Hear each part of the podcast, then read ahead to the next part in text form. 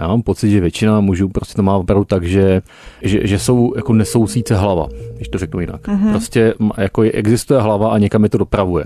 Jo, to tělo vlastně jako do určitý míry neexistuje a to se jako týká prostě jak, jako, jako, jakýkoliv chorob, uh, obtíží, uh, nedej bože prostě, já nevím, um, jako vyloženě, vyloženě jako slabosti, ale to může být to jako třeba jako problémy, já nevím, prostě s impotencí, zažíváním, prostě cokoliv, jako prostata, jo, jako se muži jako neřeší, dokud opravdu jako by není, vlastně jako v, už je to v té jako, jako blbý fázi. Hmm. O ženách se v souvislosti s tělesnými proporcemi, standardy krásy a taky dopadech, které tohle všechno může mít, na psychiku, zdraví a další aspekty nejenom jejich života, mluví už poměrně dlouho. Jak je to ale s muži a obzvláště my českými? To je téma pro aktuální podcast. Já jsem Bára a přeju vám hezký poslech.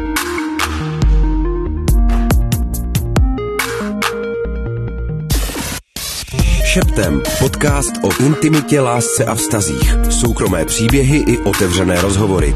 Šeptem s Bárou Šichanovou na rádiu Wave. O mužích a jejich vztahu k sobě samotným se v mém okolí mluví několik posledních let, ale na můj vkus se o tom mluví poměrně málo. A to žiju v Praze a pohybuju se v komunitě, která je těmhle tématům docela otevřená. Jenže když se podívám mimo Prahu a třeba dokonce o generaci výš, k tátům a nebo k dědům, tak potkávám obraz mlčícího a věčně pevného muže. Jak muži vnímají sami sebe, když se podívají do zrcadla a co definuje jejich vztah nejen k vlastnímu tělu a co by jim celkově pomohlo, jsem se ptala kritika a gentlemana Kamila Fili, mého kolegy Matouše Hrdiny, který se o téma zajímá, a taky fotografa, publicisty a humanitárního pracovníka Lukáše Houtka. No a tady je hned jeho příběh. Vlastně tu cestu k sobě a k svý vizáži pořád hledám, i když to možná bude připadat některým lidem, kteří mě znají divně, protože mi pořád třeba říkají, že vypadám dobře a tak, ale já se tak vlastně uh, úplně nevnímám a mám naopak se sebou a hlavně svým tělem uh, celý život nějaký problém, že vlastně nějak jako nejsem spokojený, možná nějakou zhýralostí, nejsem spokojený s tím, jak vypadám. A to je vlastně věc, která třeba už jako je od dětství, uh, není to nic novýho ale řekl bych, že vlastně tím, jak jako stárnu, tak docházím k nějakým vyrovnanosti větší. Dokážeš ještě tuhle trajektorii nějak víc popsat a možná i ty jevy, který v ní hrajou roli? Jaký to má vlastně vývoj v čase? Když jsme se domlouvali nad tím, eh, že se o tom budeme bavit, tak jsem vlastně nad tím sám přemýšlel. A teď eh, jsem v autobuse cestou za tebou došel k tomu, že to vlastně už je věc nějakého dětství, protože Ono to souvisí i s tím, že já jsem byl šikanovaný kvůli sexuální orientaci, eh, hlavně jako na Gimplu, ale i na základce.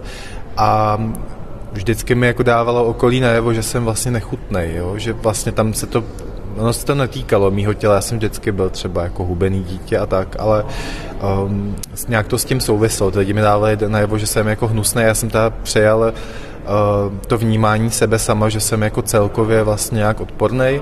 A pak mi začalo překvapovat až třeba v 16-17 letech, když jsem jezdil k tetě na brigádu ke Karlovým varům, že tam po mně najednou všechny holky na vesnici jako šílely. A já jsem najednou začal zjišťovat, že to možná není úplně tak, jak mi dává najevo to moje okolí.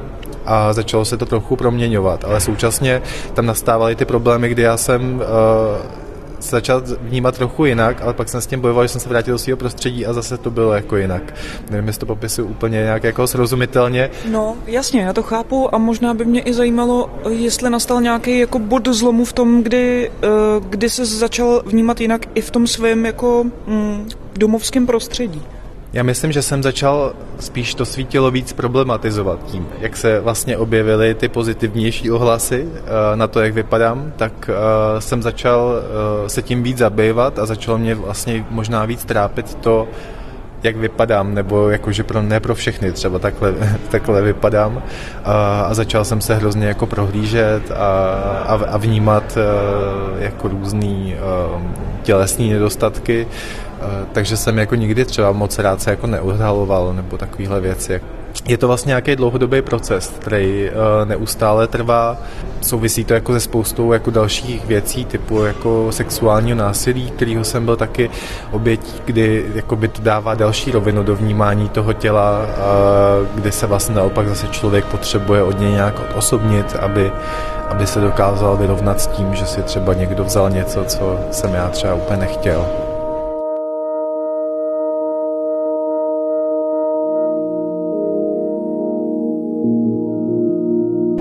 Dokážeš třeba nějak popsat, jak vypadal nebo jakýho charakteru byl ten vzor, vůči kterýmu se třeba během, během času nějakým způsobem vztahoval ty svoje jako nedostatky nebo obecně sám sebe? Já jsem vždycky chtěl být hrozně hubený. to byl můj hlavní, hlavní uh, cíl. A vlastně potom nastala fáze někdy asi třeba kolem 15. roku, kdy jsem začal mít hrozně rád jídlo a začal jsem hodně jíst, že třeba jsem přišel ze školy a udělal jsem si ke svačině pět chlebů se žerve. A samozřejmě to začalo Super. jako... Já jsem si dal smaženky vždycky, jsem byla nedojedená, no, chápu. Takže a, a pak zase jako velká večeře, pořád jsem jako hrozně jedl. A nebylo to tak, že bych teda hrozně tloustnul, uh, ale vlastně se to začalo na, na tom těle nějak projevovat a já jsem to ale v té době ještě jako neřešil, že jsem v té době uh, to je ta, takový ten mezistupeň, kdy člověk přechází z dítěte do toho dospělého a tam potom začne řešit jako tu sexualitu, takovéhle věci. A došlo to ale do nějakého momentu, kdy jsem začal teda jako randit s klukama nebo se seznamovat a vlastně tak jako objevovat věci a jednou mi jeden jako řekl, že mám jako někde nějaký faldíky a mě to, mě to strašně urazilo. A vlastně mi to jako to je ten moment, kdy jsem začal vlastně řešit jako mnohem víc to svítilo a nějakou jako tloušťku, hubenost, jestli něco jim nebo to nejím, protože mi najednou někdo dal najevo, že vlastně nevypadám tak, jak by si představoval. Mm-hmm. Jak moc si to řešil? Začal jsem to řešit hodně, začal jsem držet dietu a začal jsem hubnout. Nemyslím si, že úplně dobře, protože jsem uh, je takový jako uh, junk food, ale vlastně to fungovalo. Našel jsem si nějaký jako systém, se který jsem byl schopný zhubnout jako asi 10 kilo za pár měsíců a pak jsem se to jako začal udržovat vlastně. Jo? On to bylo taky dost v tom, že jsem třeba jako přestal jíst, ne, že bych jako vůbec nejet, ale jako hodně jsem omezil jako jídlo a vlastně jsem si to pak jako udržoval tím, že jsem začal třeba běhat a tak, což mě nikdy jako nebavilo, vždycky jsem to nenáviděl, ale věděl jsem, že jestli teda mám být nějak použitelný dál, tak uh, budu muset jako dělat věci, co mi nejsou příjemné. Popisuje Lukáš vztah k vlastnímu tělu v běhu času a dodává, že byl rád, když mu lidi říkali, jak moc je hubenej, protože to ukazovalo, že jeho snažení se tím pádem vyplácí. I když samozřejmě, když se na to podívám z dnešního pohledu, um, tak já bych jako o sebe asi neopřel kolo jako v té době, jako že myslím si, že jako být hubený nemusí znamenat být přitažlivý, jo, jako, um, že, že, ale mě, mě hrozně hnala ta, ta radost, že vlastně budu moc být hubený a že pak třeba budu moc uh, třeba měsíc zase jíst jako věci, které mám rád jako a, a, a, a vždycky takový ten jako jojo efekt, jo, že vlastně budu jako hrozně tady držet nějakou dietu, zhubnu a to pak bude znamenat, že si budu moc měsíc jako užívat mm-hmm. a zase jako naopak, jo, že vlastně takhle to jedu v takovýchhle cyklech a v podstatě jo. možná do dneška. Hele, a uh, ta hubenost jako vlastně nějaký jako ideál nebo nějaký jako cíl, jako proč zrovna tohle, protože bych možná čekala, že u vás, u chlapů, u kluků bude ten ideál prostě to, že um, budete jako jasně štíhlý, ale jako namakaný, budete mít nějakou jako svalovou hmotu, vyrýsovaný, ale vlastně jako to, že člověk bude hubený, No, je to tak, no, jakože aspoň i jako v té gay komunitě je takový ten ideál krásy být v podstatě jako je osvalený Adonis, což já jsem teda aspoň tohle přijal, že tohle ze mě nikdy nebude, protože prostě to fitko fakt nesnáším, takže mm-hmm. já jako jsem schopný třeba chodit běhat, ale nejsem schopný chodit jako jednou eh, denně nebo jednou za dva dny do posilovny, to prostě nemám na to v rámci své aktivit vůbec jako kapacitu. Takže to jsem jako přijal a vlastně do dneška ale jako tím mým cílem je zůstat vlastně hubený nebo štíhlej, uh, protože uh, prostě vím, že ze mě ten svalovec nebude. Myslíš si, že ten ideál krásy takzvaně, nebo tělesnosti v té gay komunitě je vlastně jiný než eh, v tom heterosvětě, že je určený jako jinýma faktorama? Myslím si, že jiný určitě je, protože ten tlak v té gay komunitě skutečně je velký. Um, ono se to podle mě mění i v, tý, v tom heterosvětě, že i ženy uh, dneska, jako, nebo čím dál víc žen má vlastně podobné nároky na to, jak by ten muž měl vypadat v tomhle ohledu. Uh, že měl jsem vždycky pocit, že ty ženy jako zajímaly i jako často mnohem víc jako jiné věci. Uh, dneska se to podle mě trošku mění uh, vlivem jako popkultury a tak dál. Uh, nicméně v té gay komunitě to bylo, mám pocit, přítomný vždycky, minimálně od té doby, co já jako se to nějak vnímám. A to samozřejmě na to vnímání mýho těla mělo vliv. Já si třeba vníma, uh, sám uvědomuju, uh, že když třeba mi bylo 18-19, tak tohle pro mě nebyly úplně, uh, jako by pro mě osobně ten ideál, jako najít si toho krásného vyrysovaného svalovce, protože jsem vždycky měl nějaký třeba štíhlý kluky nebo tak a vlastně jsem to moc neřešil, jako by to, jako jestli, jestli mají tady vyrysovaný tenhle sval. Ale dneska to řeším, jako dneska, dneska vlastně to chci. Mm-hmm.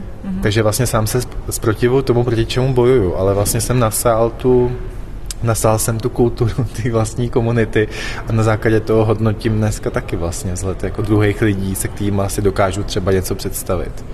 Včetně svého partnera. Máš pocit, že jako lze v té komunitě fungovat a nenasát tohle? Těžko říct, asi myslím, že ne.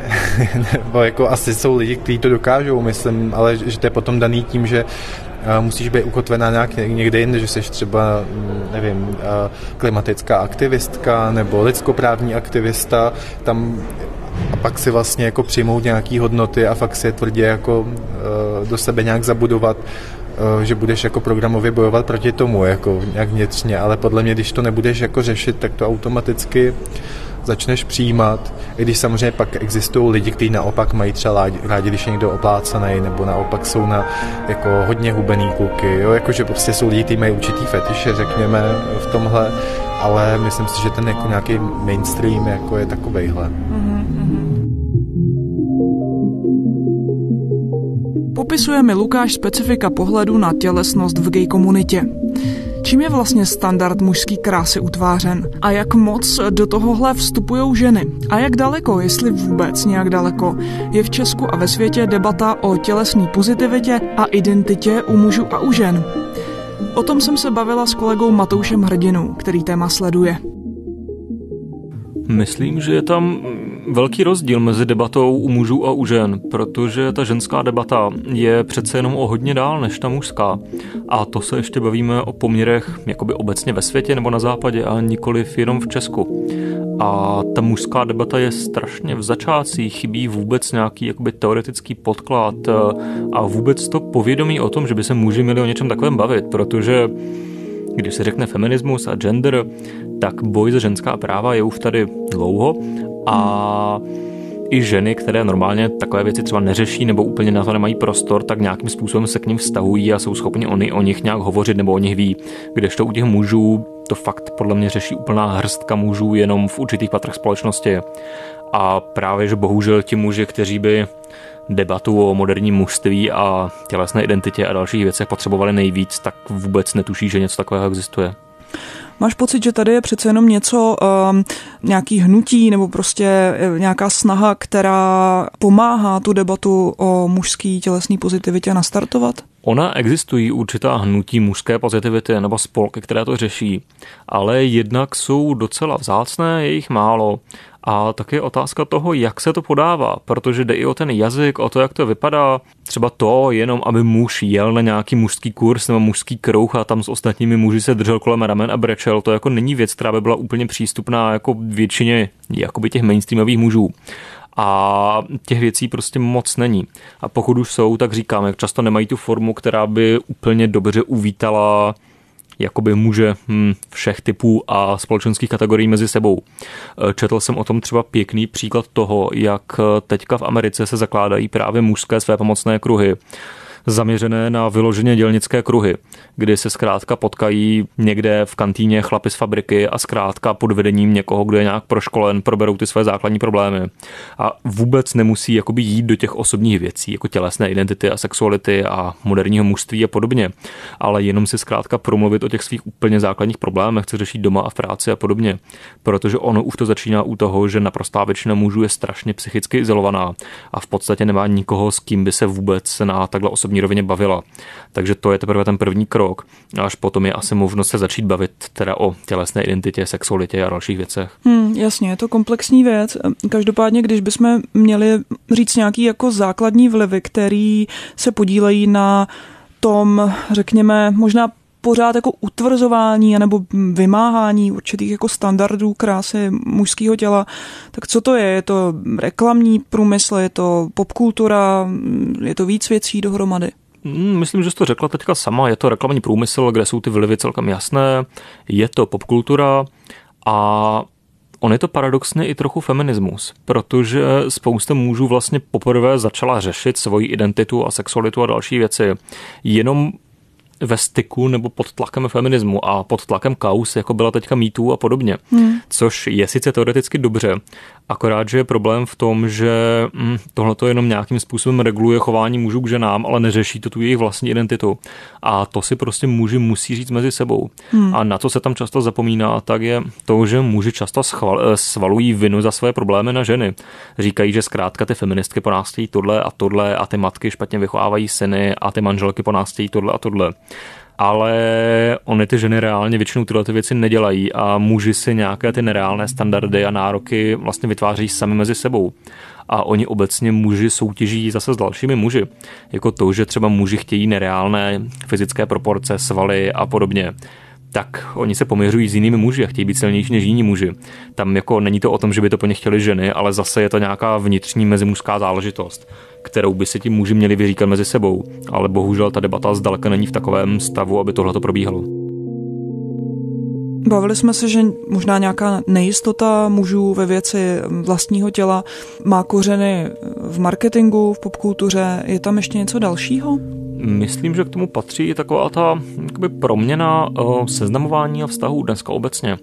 Protože zase ona spousta těch mužských aktivistů říká věc, která vypadá zdánlivě antifeministicky, ale je prostě pravdivá, že teď najednou už ta emancipace mm, a sexuální emancipace dospěla do té míry, že ženy zkrátka se nestydí říct, že jim jde jenom o sex a vybírat se ty chlapy zkrátka podle toho, jak vypadají, jak maso na krámě a nějakým způsobem je takhle hodnotit.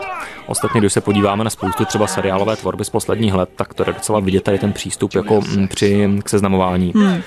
A na to se dá říct jenom to, že to asi není úplně dobře, no ale tak jako muži to nemůžou těm ženám vyčítat, protože oni to samé dělali tisíce let předtím. I'm joking, he's just there. Here's to love. Hey!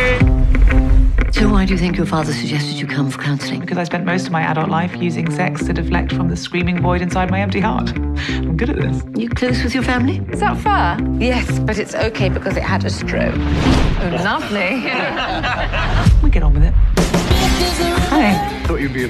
A místo toho, aby se na to stěžovali, tak eh, by se tomu měli bránit asi stejným způsobem jako ženy. A ty ženy se tomu zkrátka bránily desítkami let té feministické debaty a toho diskurzu, která tohle dokázala někam posunout. Takže by se právě muži mohli poučit od těch feministek a zkrátka aplikovat úplně stejné postupy na ty situace, ve kterých se cítí nějak vykořišťování nebo ohrožení a podobně. Hmm. Protože taky to vede k tomu, že v podstatě žádný z těch hm, feministických přístupů ničem jako neubližuje mužům. Takže stejně tak, kdyby se byli muži schopni sami sebe bránit nebo se bavit mezi sebou touhletou formou, tak by tím nějak neubližovali ženám a nic jim nevyčítali, protože jim nic vyčítat nemůžou. Hmm. Uh, jako jedna součást, a ty si to už naznačil, já to vnímám jako možná v něčem vyhrocenou, i když kdybychom byli třeba v americkém prostředí, tak tam to asi um, mnozí za jako vyhrocený přístup považovat nebudou, tak jsou vlastně jako názory, které se týkají konkrétních uh, subkultur mužských to, že za, za určitou jako krizi mužství, dejme tomu, uh, můžou právě feministky a tak dál, tak pojď, pojďme možná říct něco ještě jako konkrétněji o těchto subkulturách, co je rámuje, co je charakterizuje. No to je docela složité téma, ale když to zkusím nějak zobecnit, alespoň třeba i podle toho, co jde vidět v Česku, tak eh, ono existuje to takzvané hnutí za mužská práva, které má docela složitou historii. A jedním z těch, mm, jednou z těch docela relevantních příčin tam byly soudní spory o opatrovnictví dětí a o svěření do péče, mm-hmm. kdy se vždycky rozvedení otcové hádají se matkama o tom, kdo bude mít ty děti v péči. Pak to většinou vede samozřejmě k nějaké frustraci, protože ten, ten právní systém byl nějakým způsobem trošku nastaven proti těm mužům a podobně v tomhle tom. Ale je tam samozřejmě problém v tom, že když už Tady máme ty muže, kteří trpí nějakou třeba i oprávněnou frustrací, tak pak na nich, na nich začnou pást různí extremisté a zkrátka radikalizovat a začít, začít využívat jejich zloby a na frustrace a nějakým způsobem je, je obracet pro své politické cíle. A pak to právě přerůstá v tu takzvanou alt-right nebo tu novou, novou radikální pravici, která zkrátka tvrdí mužům, že bychom se měli vrátit do těch starých dobrých časů, kdy ještě ženy byly uplotny a byly pod kontrolou mužů a podobně. Proto já tak, jsem to spojovala víc s tím americkým prostředím. Ale já si myslím, že to samé pozorujeme i v Česku, kde mm. ta ideologie není nějak přesně definovaná, ale když se podíváme na spoustu těch populistů z pravé části politického spektra, tak v podstatě říkají to samé. Neustále si stěžují vlastně na všecky novoty, co se týče sexuálních identit a genderových a podobně. A vlastně se neustále snaží vracet do nějaké konzervativní minulosti. A když to celé rozebereme až úplně do základů, tak vždycky je to definováno dominancí mužů nad ženami. To je to vždycky, o co usilují. A zároveň mm, na to je asi jako jediná odpověď, že když teda připustíme, že jo, tak se vrátíme někam do středověku a ženy teda budou jak z příběhu služebnice doma uplotny a podobně tak sice ti muži budou mít zase zdánlivě tu nadvládu, jenomže ty jejich problémy to vůbec nevyřeší. Oni budou mít pořád stejné frustrace, stejná traumata a budou na tom ještě hůř, protože jim ani ty ženy nepomůžou to vyřešit. Poslední muž, se kterým jsem téma těla a přístupu mužů k sobě samým řešila, je ještě větší kritik, než jsme doufali a genderman Kamil Fila. I podle něj je vnímání nejen vlastní tělesnosti, ale třeba i psychické stránky vlastního já obecně u mužů hodně nízký. Teda s výjimkou skupiny dospívajících a raně 20-letých, kteří, jak říká, vyrůstají v jiném světě a jsou zvyklí se o tomhle tématu bavit. Jak je na tom podle něj ale většina? To, to, jako to není žádný, já to nemám jako nějaký obrovský sociologický vhled, ale v zásadě to asi bude tak, že uh, český muži jsou zvyklí teda řešit věci v hospodě. Hmm. Jo, a pokud nejste vyloženě hodně hospodský typ a není možný v té hospodě některé věci probírat, tak jako tam to narazí na dva limity. Mm-hmm. A pokud to vypadá z těch parametrů, tak nemáte šanci. A jako já jsem z toho vypadl z obojího, protože jako do hospody tolik nechodím, protože je to fakt jako svátek, není to prostě běžná záležitost. Jasně. A to svěřování se fakt jako opravdu člověk jako fakt vezme jeden na jedno. Prostě mm. nezve, ne, se nezvedne to opravdu mezi jako více lidma. Takže pro lidi, kteří vlastně vypadávají z, z, z těch možností, tak jako v tu chvíli jenom zjistí, že to jde, že to jde jiným způsobem. Jo? A já zase jako dneska jako vlastně jako oblíbený, eh, oblíbená praktika jako nějakého facebookového statusu Tehdy jako si člověk trošku jako pofouká tu bolístku přívalem libovolných emotikonů, to je vlastně jedno. Jako vůbec jako nějakého sdílení a, a nějakýho, nějaký reakce. Mladší generace sice jako by zvykla o něco víc komunikovat, zároveň jsou toho trochu víc sami malinko. To, mm, to prostě jako by je. Mm, mm, jo, ta pospolitost je o něco menší v něčem. V té osamělosti co vám jiného zbývá, než se jako řešit a než se jako otvírat. Jo? A teďka jde o to, jestli samozřejmě to jako zůstane v té v úrovni, že člověk je jako, jako v bolestí, leta letoucí, anebo teda prostě si jako to má ten, ten přístup vlastně jakoby aktivnější, jo? protože jako myslím, že většina třeba mýho nějakého procesu prostě probíhala úplně mimo, mimo jako sociální sítě. Hmm. Jo? Hmm. A to fakt byly prostě návštěvy terapeutky, psaní deníku a, a, jako vlastně jsem se výdal jako s lidma, který byli, já jsem vlastně za tu dobu, když mě bylo nejhůř, jsem, jsem jako poznal zpětně z nejširší paletou lidí, jakou jsem se kdy v životě poznal. Uh-huh. Vrací se Kamil k období dezintegrace, kterou prožíval před několika lety. Právě mluvení o psychickém zdraví, eh, které s fyzickou stránkou souvisí, mu pomohlo v tom vrátit se do normálního stavu, do běžného života. Současně se díky své otevřenosti setkával s množstvím různých reakcí a ne vždycky úplně příjemných prostě součástí mojí nějaký terapie, vyrovnání se s tím prostě bylo o tom mluvit vlastně automaticky, že vlastně jako mluvím vlastně v tu chvíli o všem, protože jsem prostě 10-15 let o sobě nějak nemluvil. Prostě byl jsem ten člověk, který je ta hlava, která interpretuje filmy a o sebe se nestará v podstatě. Jasně. Takže jako, pak nastala nějaká jako starost o sebe, která jako, já nejsem působí třeba sebestředně, to je jedno, ale, ale prostě pomohlo mi to v nějaký podobě. Teď jsem se z toho jakoby vyhrabal a cítím se vlastně jakoby, vlastně jakoby normální, integrovaný, vyrovnaný na té úrovni, která mi jako umožňuje zvládat jakoby i nějaký jako drobný malý kriz, aniž mě to jako vychýlo někam. Mm. Takže jako v tomhle tom ohledu, jo, jako uvědomuji si, ale byla, se moje výhoda fakt bylo, že to bylo krátce.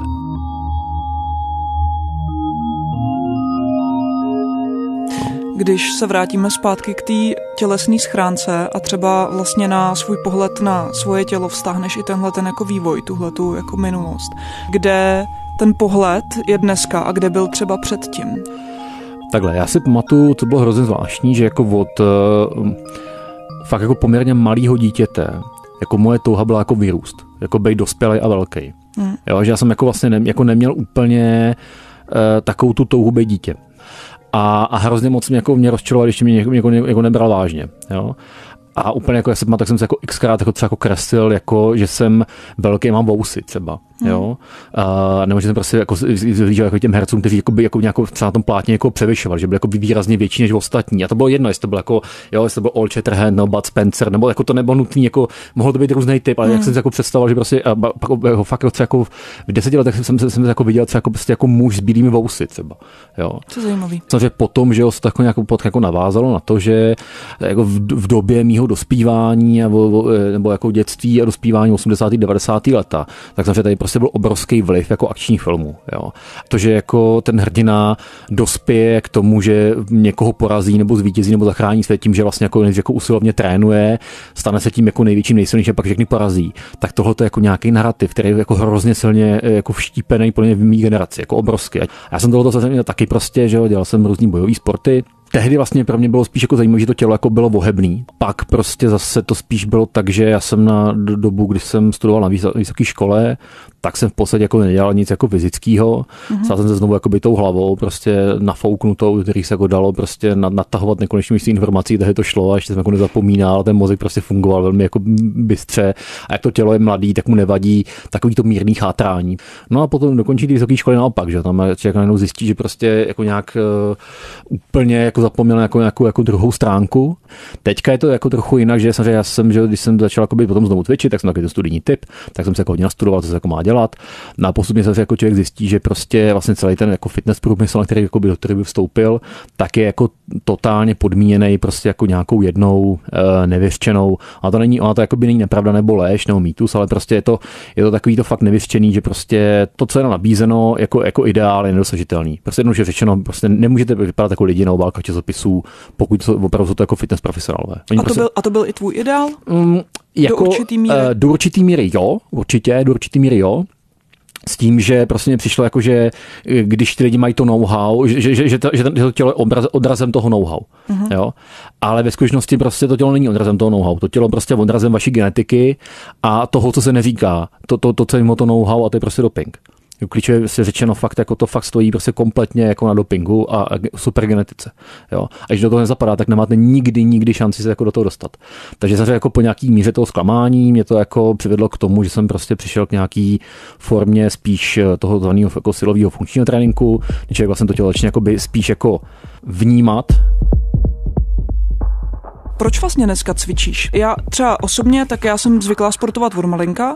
Vždycky to pro mě prostě byla součást nějaký, řekněme, třeba jako rodinný identity. Dneska jakoby vím, že pro mě to je vlastně určitý jako z hlediska jako psychiky nějaký polštář, o který já se jakoby můžu opřít. Hmm. Tak jaká je ta motivace dneska u tebe?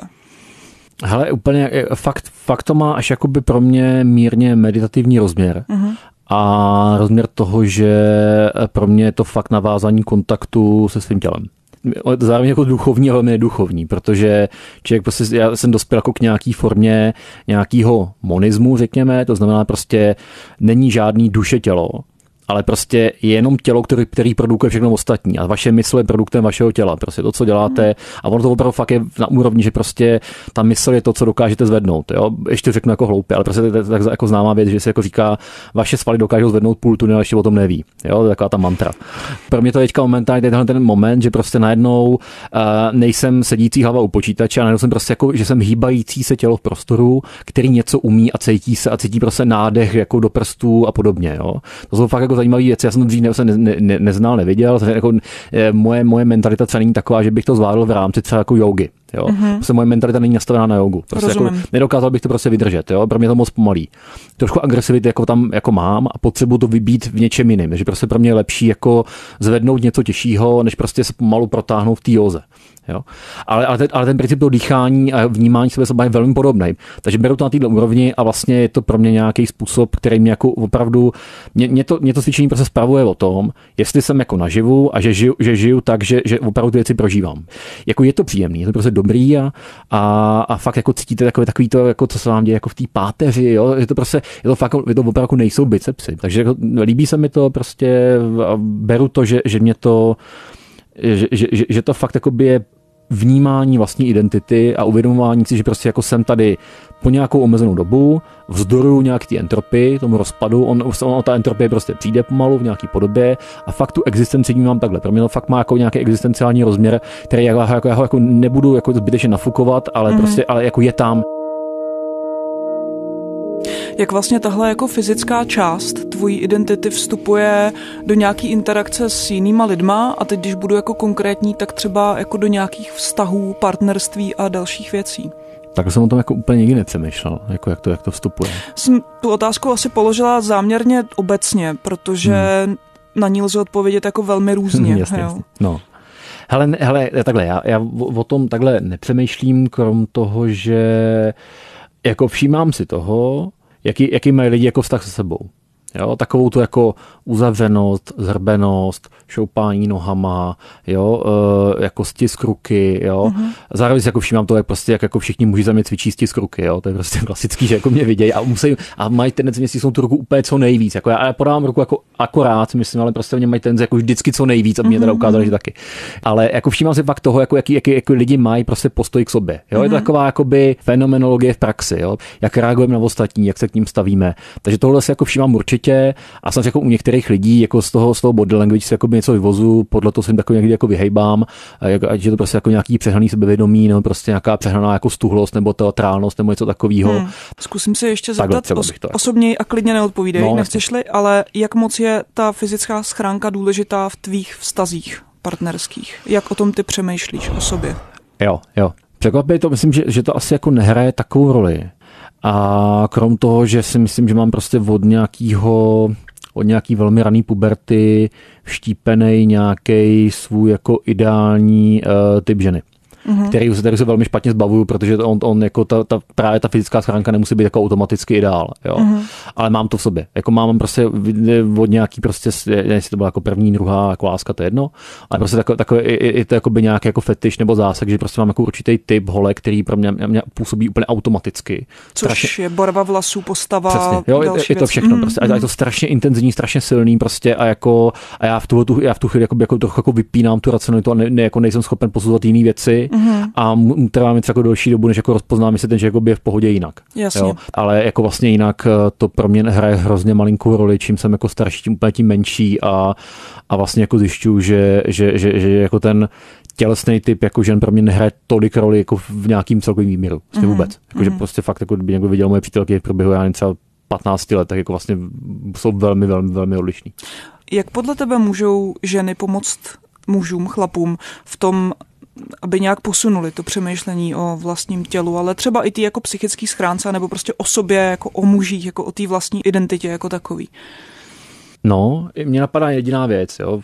Je, je, to, je to fakt jako spíš detail. Mm-hmm. Je velmi poměrně nezvyklý, že ženy nebo dívky s svým partnerům jim říkají, že jsou hezký. Mm-hmm. To je velmi málo kdy. Jako oni prostě jako na něm oceňují ledacos, jo. A většinou jsou prostě různý jako činy a, a povaha a tak dál. Ale málo kdy jako by e, e, řeknou, že oceňují ten vzhled samozřejmě, že můžeme se bavit o tom, že to prostě jako je nějaký podněcování k nekonečnému jako narcismu a že to prostě, že to, že to, že to jsou růžový brýle jako o těch partnerek a tak dále a tak dále. Ale mám pocit, že jako strašně moc jako mužů nikdy neslyšel jako by nic o tom, že by jim někdo řekl, že, že je něco hezkého. A to se jako bavím o tom, že se třeba jako mít dobře oblíct, jo? to je jedno, prostě jako člověk nemusí být ideál krásy prostě ze, žurnálu, o to nejde, hmm, jo? ale hmm. prostě, že jako se třeba jako, by, jako umí oblíct, tohle ti sluší víc, tohle ti sluší míň. A myslím, že, jako, že, jako, že jinak to muži neumě přijímat, nejsou na to zvyklí a o to míň na sebe dbají různým způsobem. Mm-hmm. A o to víc třeba jako jsou strašně posedlí jakoby nějakým třeba jako výkonem, jednáním, vyděláváním peněz, protože se jim to nedostává jinde, že ta láska není prostě projevená jiným způsobem a to je právě jako to ocenění toho, že máte někoho rád a to prostě můžete říct, jako máme rád prostě tu jako tvůj dělíček ve tváři, to je úplně jedno. O tom, že se nám líbí muž, že se nám líbí něco, co je jeho, tak to, to, to je, myslím si, jako něco, co jako fakt je nějaká, nějaká jako slabina současných vztahů. Aspoň částečně ten pocit teda mám z toho. No. Tolik Kamil Fila, Matouš Hrdina a Lukáš Houdek. Dnes vyloženě pánský klub o mužích, jejich vztahu k sobě samotným a okolnostem, které se na něm podílejí. Tak doufám, že se vám tenhle díl líbil a byl pro vás třeba v něčem inspirativní. A taky díky, že jste poslouchali. Mějte se krásně a nezapomeňte, že i v těchto pohnutých časech můžete poslouchat i další díly šeptem na wave.cz anebo ve vašich podcastových aplikacích. Těším se příště.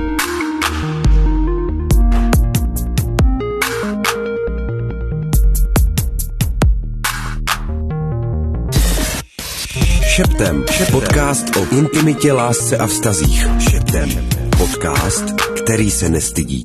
Poslouchejte na wave.cz lomeno šeptem nebo se přihlaste k odběru na wave.cz lomeno podcasty a poslouchejte ve vašem mobilu, kdykoliv a kdekoliv.